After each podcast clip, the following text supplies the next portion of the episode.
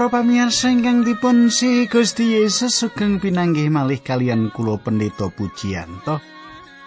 Kula badhe sesarengan kalian panjenengan wonten ing salebetipun adicara margi utami adicara ingkang sampun dados kelangenan panjenengan. Kula nderekaken panjenengan wonten ing adicara menika ing pangangka saged ndadosaken tambahing wawasan panjenengan babagan-babagan kasukman. Habis saking menika monggo panjenengan nyaket kalian kula mriki supados gesang panjenengan katambahan wawasan-wawasan kasukman sugeng midhangetaken adicara menika.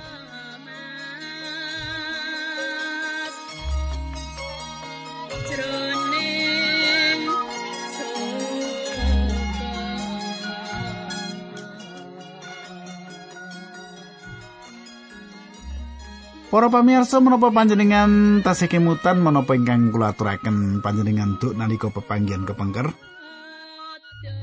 Wonten ing pepanggihan kepengker menika ringkesipun kula sampun nderekaken panjenengan nyemak Soleman nyuwun dumateng Sang Prabu Hiram Raja Negeri Tirus. Nggih.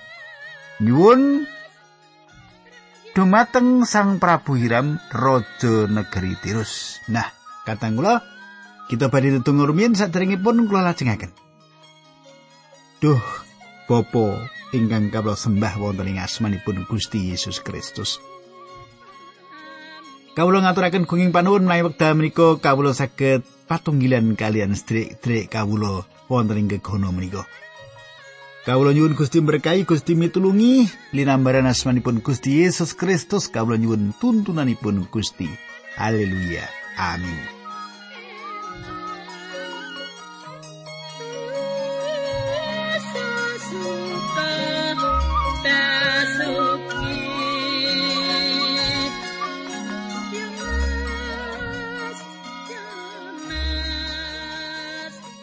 Para pamirsa, samenika pasinaon kita sampun ngantik kitab kalih babat bab kalih. Samenika pasinaon kita sampun ngancik kitab kalih babat bab kalih lan badhe kula wiwiti maos pangandikanipun Gusti menika ayat 6. Makaten suraosipun ing basa pedinan. Nanging sejatosipun boten wonten tiang satunggal setunggal lo ingkang saged yasa pedalman kagem Allah. Mergi jagat raya menika mboten pantes kagem panjenenganipun dados pedalamanipun Allah ingkang badhe kula yasa menika inggil-inggilipun namung cekap kangge mbesmi menyan kunjuk dhateng Allah. Para kadang kula namung lumantar korban kita saged nyaketi Gusti Allah. Lan satunggal-tunggalipun margi panjenengan lan kula saged sowan dumateng Gusti Allah Inggih menika mboten sanes lumantar pangorbananipun Gusti Yesus Kristus. Perkawis ingkang penting ingkang dipun serat ing mriki inggih menika Soleman mboten mangu-mangu gegayutan sinten to Gusti Allah menika. Lan menapa Gusti Allah badhe makuwon lan mapan wonten ing salebetipun griya menika. Soleman lan ugi rakyat Israel mboten gadah pikiran pilih kados-kados Gusti Allah mapan ing salebetipun pedalman menika. Cara mikiripun bangsa Israel langkung majeng ketimbang kalian tiang-tiang jaman samenika malah ing salebetipun gereja-gereja kita kathah tiang mestani gereja menika dalemipun Gusti Allah Gusti Allah mboten mapan ing satunggal griya kadang kula Pedalaman Allah inggih menika satunggal papan kangge ngawontenaken korban bakaran, korban obaran. Pedalaman Allah inggih menika satunggalipun papan kangge nyaketi Gusti Allah. Lan papan menika kedah pantes papan menika gada ukir-ukiran ingkang saestu remit lan indah. Papan menika mboten patos ageng ketimbang kalian bangunan-bangunan sanesing jaman suwau. Nanging sinau soalit perabotanipun saestu larang reginipun kathah sloka lan emas ingkang kasimpening mriku. Kali babat ayat pitu, pramilo panjenengan mugi kersa ngutus tiang ingkang ahli damel hiasan saking emas. Sloko prunggulan tosan. Semantun ugi ahli damel barang-barang saking mori biru wungulan abrit sarta ahli bab ukuran tiang menika supados nyambut damel sesarengan kalian para ahli saking Yehuda lan Yerusalem ingkang sampun kapilih dening Bapak kula Daud. Panjenengan katasaken ing jaman pemerintahan Sulaiman, bangsa Israel mboten gadah tiang seni awit tiang Israel menika tiang tani kados ingkang sampun dipun rancang Gusti Allah.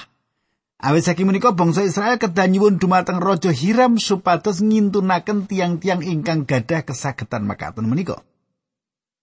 Kula lajengaken ayat 8. Kula ngertos bilih para tukang negara kajeng ing negari panjenengan pinter-pinter Pramila panjenengan kersa ngintun saking Libanon kajeng cemara lan kajeng cendana werni-werni dhateng kula, kula badhe ndatengaken tiang-tiang kula supados mbiyantu tiang-tiang panjenengan.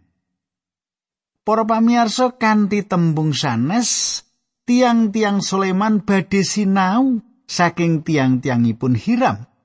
Kajeng-kajeng cendana inggih menika kajeng ingkang misuwur saking Libanon. Kula lajengaken bab kalih ayat 9 ngantos dosa. Nyawisaken kajeng sakiyatipun pedalamanipun Allah ingkang badhe kula yasa menika kedah ageng lan sae. Kangge tedanipun tiang-tiang panjenengan kula badhe ngintun dhateng panjenengan gandum kalih ton, jemawut kalih ton, anggur patang atau sewu liter, lan lisah zaitun kawan atus sewu liter.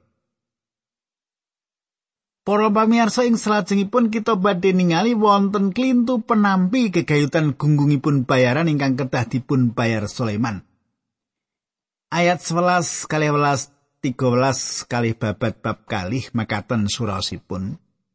Layange Raja Sulaiman mau diwangsuli dening Raja Hiram mengkini, mergi pangeran resnani bangsa panjenengan milo pangeran ngangkat panjenengan dados raja.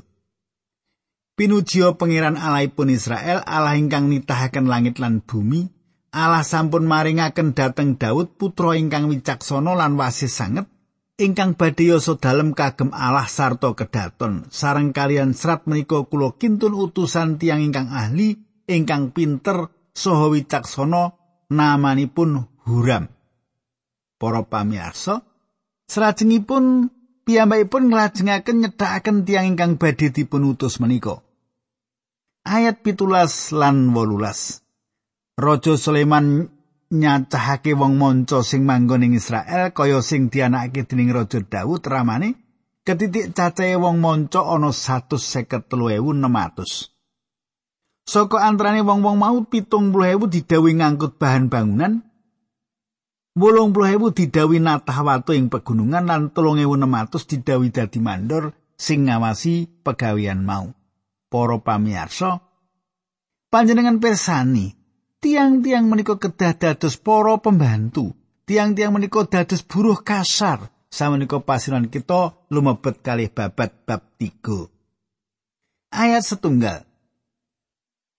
Raja Daud wis nemtokake yen pedalemane Allah kudu didekake ing Yerusalem ing Gunung Muria, ya kuwi penggilingan gandum duwe Arauna wong Yebus oleh mbangun pedalaman Allah kawiwitan dening Raja Sulaiman. Para pamirsa kados dene sampun kita tingali papan penggilingan gandum Arauna menika satunggalipun papan ingkang rumiinipun Abraham dipun dawuhi Gusti Allah ngurbanaken Iska. Salajengipun ing papan menika pas papanipun ing sakjawinipun Yerusalem ing Gunung Golgota, papan cumplung ing mriku Gusti Yesus dipun salipaken. Daud sampun tumbas tanah menika saking Arauna, kangginipun kita ingkang boten nyambut damel ing bisnis konstruksi griya, gambar bangunan lan anggenipun nyawisaken bahan bangunan boten patos penting. Ayat 3 pedalaman Allah mau dawane pitulikur meter lan ambane sangang meter. Para pamiyasa ukuran menika inggih menika kangge bangunan intinipun. Ing sakiwa tengenipun badhe wonten kathah bangunan sanes, kahananipun saestu kapenet ing wedas daya bangunan sampun ngadeg ing papanipun, nanging bangunan inti pedalaman Allah agengipun namung kalih ukuran kemah suci. Samenika bab 3 ayat 13. Dawane loro koma loro meter, pucuke swiwi sing siji gathok ing tengah bangsa, swiwi siji ning gepok temboke bangsa kiwa tengen, dawane swiwi-swiwi mau sangang meter dadi saambane bangsa. Para pamirsa emut ing salebetipun kemah suci ingkang dipun dawuhaken dumateng Nabi Musa kangge dipun bangun Gusti Allah mboten maringi ukuran kangge kerup. Kalih kerup menika nggambaraken kekayutan sipatipun Gusti Allah lan Gusti Allah mboten saged dipun ukur Nanging mriki ing salebetipun pedalaman Allah ukuranipun dipun paringaken lan ukuranipun langkung ageng tinimbang ing salebetipun kemah suci.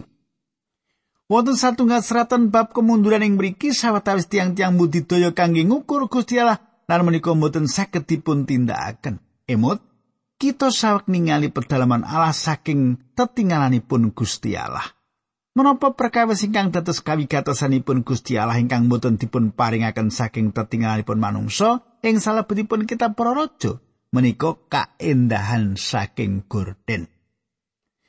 kaendahan saking gorden. Bab 3 ayat 18. Bangsal Maha Suci iya dipasangi gorden kain lena rupane biru wungulan abang gorden mau dihias nganggo sulaman gambar keruk. Para pamirsa geber meratelaken gegayutan kamanungsanipun Sang Kristus ing wekdal Sang Kristus disalipaken gorden pedalaman Allah suwek dados kali. Awit gorden menika nggambaraken kamanungsanipun Sang Kristus. Suwekipun gorden menika ateges bilih satunggal margi ingkang enggal lan gesang tinar buka kangge sedaya tiang pitados mlebet ing ngarsanipun Gusti Allah lumantar satunggal korban inggih menika Sang Kristus. ing salebeting kita babat menika Gusti Allah ndutut manah kita babakan kaindahan gorden menika kados-kados panjenenganipun sanjang Matius 3 ayat pitulas banjur ana swara saka ing langit iki putraku sing ndak tresnani sing gawe renaning penggalihku. Para pamirsa kita lajengaken ayat kang 11 Sang Prabu yo dawuh gawe cagak loro sing dhuwure 15 setengah meter. Banjur didekake ing sangarepe pedalaman Allah cagak mau dhuwur ana ndase sing dhuwure 2,2 meter. Para pamirsa, menika ateges bilih cagak-cagak saestu inggil. Ateges cagak-cagak menika saestu inggil. Dibandingaken kalian agengipun bangunan, cagak-cagak menika ketinggalipun boten seimbang Cagak-cagak menika nggambaraken kegiatan lan kaendahan.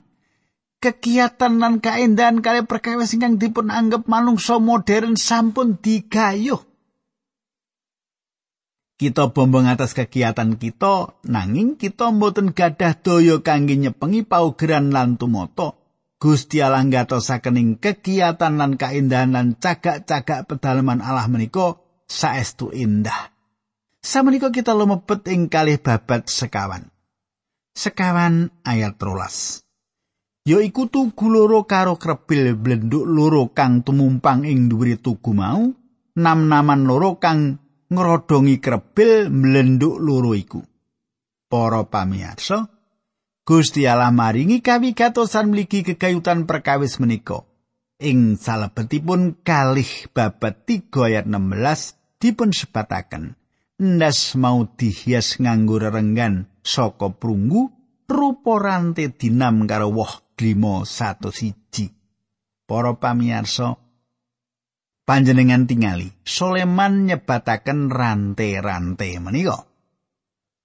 Rante-rante menika nggambaraken menapa? Kadang kula rante-rante menika nggambaraken kamanunggalan saking pribadi-pribadi ingkang saking talar-talar bangsa lan taler-taler menika mbangun satunggal bangsa. Gusti Allah ngatosaken kamanunggalan sadayanipun, kamanunggalan ingkang kados makaten menika satunggalipun perkawis ingkang arang katingali ing jaman samenika. Kita pinisalan pecah dados ewon golongan ingkang benten ing wekdal samenika. Tangsa wonten organisasi enggal ingkang tubuh Ing salebetipun perjanjian inggal Gusti Allah tansah maringi satunggal gambaran gegayutan kamanunggalan ingkang langkung sae tinimbang kalian rante-rante menika. Inggih menika gambaran gegayutan pasamuan. Kalih babat sekawan ayat 13. Nam-naman rante ing saben ndase cagak delima prunggu patang atau siji ditoto dadi rong rarik ing saben ndase cagak ngubengi nam-naman rante saben larike isi. Para pamirsa, woh delima nggambaraken woh ingkang kathah lan inggih menika ingkang dipun tengenaken ing mriki. Panjenengan katosaken pilih gorden ingkang warninipun biru lan wungu lan abrit sepo ingkang dipun damel saking kain linen ingkang sae. Biru inggih menika warni langit ing inggil. Wungu inggih menika warni kerajaan lan abrit sepo nggambaraken panebusan lumantar rahipun Sang Kristus. Putih nggambaraken gegayutan gesang ingkang suci. Sedaya warni penting saking paningalipun Gusti Allah. Pasal sekawan ugi nyukani rincian gegayutan prabot, mesbeh tembogo, wadah kangge pamijian ingkang ageng, sedaya wadah pamijian ukuran alit, cagak dian lan mejo-mejo. Selajengipun wonten kuali-kuali susruk-susruk lan bagi mesbeh tembogo ukuranipun kaping sekawan kados ingkang dipun ginakaken ing kemah suci Ugi wonten wadah-wadah tambaning salebetipun pedalaman Allah inggih menika kemah suci lan sanes pedalaman Allah ingkang dados ukuran ingkang dipun ginakaken ing salebetipun kitab dumateng pesaman Ibrani kangge nggambaraken pribadi lan pakaryanipun Sang Kristus. Para pamirsa ingkang kula tresnani, kita lajengaken pasinon kita lumebet ing kalih babat gangsal. Kalih babat gangsal. Ayat tunggal lan kalih makaten suraosipun. Sawise Raja Sleman rampung nggone mbangun pedalemane Allah kabeh maslaka lan barang-barang liyane sing dicaosake Raja Daud marang Allah nuli disimpen ing gudang-gudang ing pedaleman kono. Raja Sleman banjur nglumpukake sake para lajere taler lan gotra-gotra Israel ing Yerusalem saperlu njupuk peti perjanjiane Allah saka Sion kutane Daud kagawa menyang pedalemane Allah. Para pamirsa panjenengan tingali sesampunipun pedalaman Allah rampung dipun bangun, peti perjanjian dipun beto mlebet ing salebeting pedalaman Allah. Kula lajengaken ayat 6. Raja Sulaiman lan rakyat Israel kabeh padha nglumpuk ana ing ngarepe petining perjanjian mau sarta padha nyaosake kurban kunjuk marang Allah saking akeh wedhus lan sapi sing dikurbanake nganti ora kena diitung. Para pamirsa, pikiran ingkang wonten ing salebetipun inggih menika bilih boten wonten pambudidaya ngitang. Gunggungipun kurban obaran menika awit sedayanipun nggambaraken pangorbananipun Sang Kristus. Lan pangorbanan ingkang sampun katindakaken Sang Kristus menika satunggalipun pangorbanan ingkang boten saged dipunetang utawi dipunukur. Ayat pitu wolu songo. Sawise mengkono para imam banjur mikul petine perjanjian digawa mlebu ing pedalaman Allah. Ditokokake ana ing ngisore ukiran kerup ing papan maha suci, swiwine kerup-kerup mau ngayomi peti lan kayu pikulani. Kayu-kayu pikulan mau dawa banget nganti pucuke mung katon yen dideleng saka sisih ngarepe papan mau suci. Kayu-kayu pikulan mau isih ana tekan sprene. Para pamirsa, isih ana tekan sprene inggih menika tembung ingkang meratelaken ngantos kitab babat menika dipun serat barang menika tasih wonten. Kajeng-kajeng pikulan menika mboten dipun ginakaken malih peti perjanjian mboten dipun pindah malih Emot bilih peti perjanjian dipun bangun ing ora samun ing Gunung Sinai lan salajengipun bangsa Israel nelasaken wekdal ngantos sekawan dosa taun ngumbara ing ora samun. Peti perjanjian menika tansah dipun usung ing ngajengipun langkung rumiyin nglangkungi kali Yordan ing wekdal bangsa Israel menika hanglebeti tanah perjanjian. Sesampunipun bangsa menika dumugi ing tanah menika, tabut perjanjian menika tasih dipun usung pindah-pindah.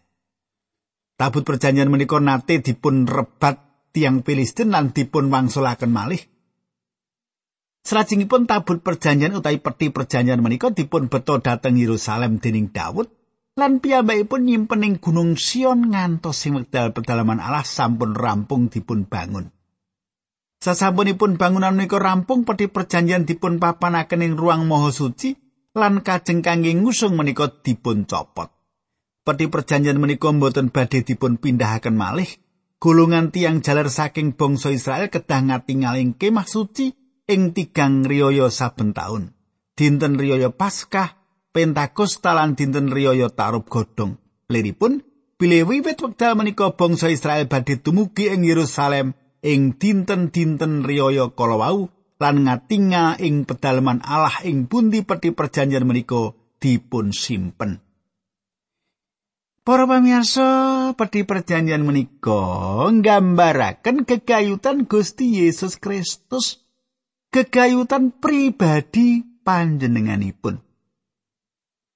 Ing sanginggilipun peti perjanjian menika wonten tutup pedamen ingkang nggambaraken gegayutan pakaryan panebusanipun, rahipun ingkang sampun dipun soaken kasunyatan bilih panjenenganipun menika dados juru pirukun kita.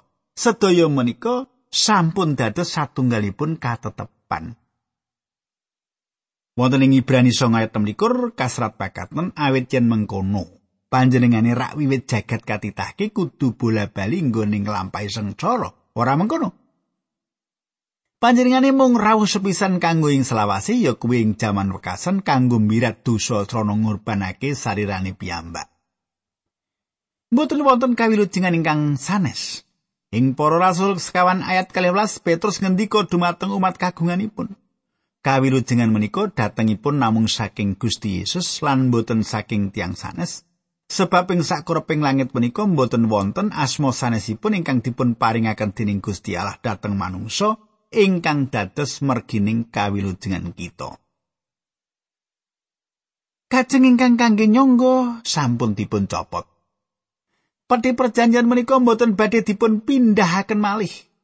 Anggenipun dipun copot kajeng-kajeng ingkang kangge nyangga menika ugi nedahaken satunggalipun perkawis ingkang mandek. Gusti Yesus maringaken kalegan dumateng tiang-tiang ingkang sowan dumateng panjenenganipun. Gusti Yesus ngendika gegayutan papan wonten ing Yohanes 18 ayat kali ngantos 3. Makaten surasipun ing daleme ramaku akeh panggonan mulane aku mrono supaya nyawisake panggonan kanggo kowe. Saupama ora mengkono mesti kowe ora padha ndak kandhani. Sawise aku nyawisake panggonan kanggo kowe nuli aku bakal bali mrene metok kowe supaya kowe uga ana ing papan sing ndak anggone mau. Para pamirsa, papan menika sampun dipun cawisaken lan benjang ing titim mangsanipun kita badhe kesaing papan menika. Kita ingkang dipun kersakaken inggih menika kita Allah. Kita menika asipat langgeng lan Wahyu selikur ayat kali likur ing kutha aku ora weruh pedalemane Allah awit pedalemane Allah kuwi ya pangeran piyambak Allah kang maha kuwas sarta sang cempe Para pamirsa kajeng-kajeng ingkang kangge nyangga dipun copot Kados menapa anggenipun ngira-miramaken bilih kita mboten perlu ngumbara. Kados ingkang dipun ngendikaken Rasul Paulus dumateng pesaman ing Rom kita mboten perlu kisah dateng swarga kangge beto Sang Kristus mandap lan kita ugi mboten perlu kisah datang neraka kangge beto panjenenganipun minggah. Panjenengan wonten ing mriku kangge kita menika satunggalipun perkawis ingkang langgeng menika mboten badhe ewah gingsir Para pamirsa makaten rumiyin kula sigek minjang saged kita lajengaken. Kita ndedonga. Duh Kanjeng Rama ing swarga kawula ngaturaken gunging panuwun menawi wekdal menika kawula saged tetunggilan kalian sedherek kawula ingkang setya tuhu midhangetaken adicara menika berkahi pepanggian menika Gusti. Sederek kawula ingkang badhe pepisahan kalian abdi paduka menika supados dipun berkahi paduka. Linambaran asmanipun Gusti Yesus Kristus kawula netunggal haleluya. Amin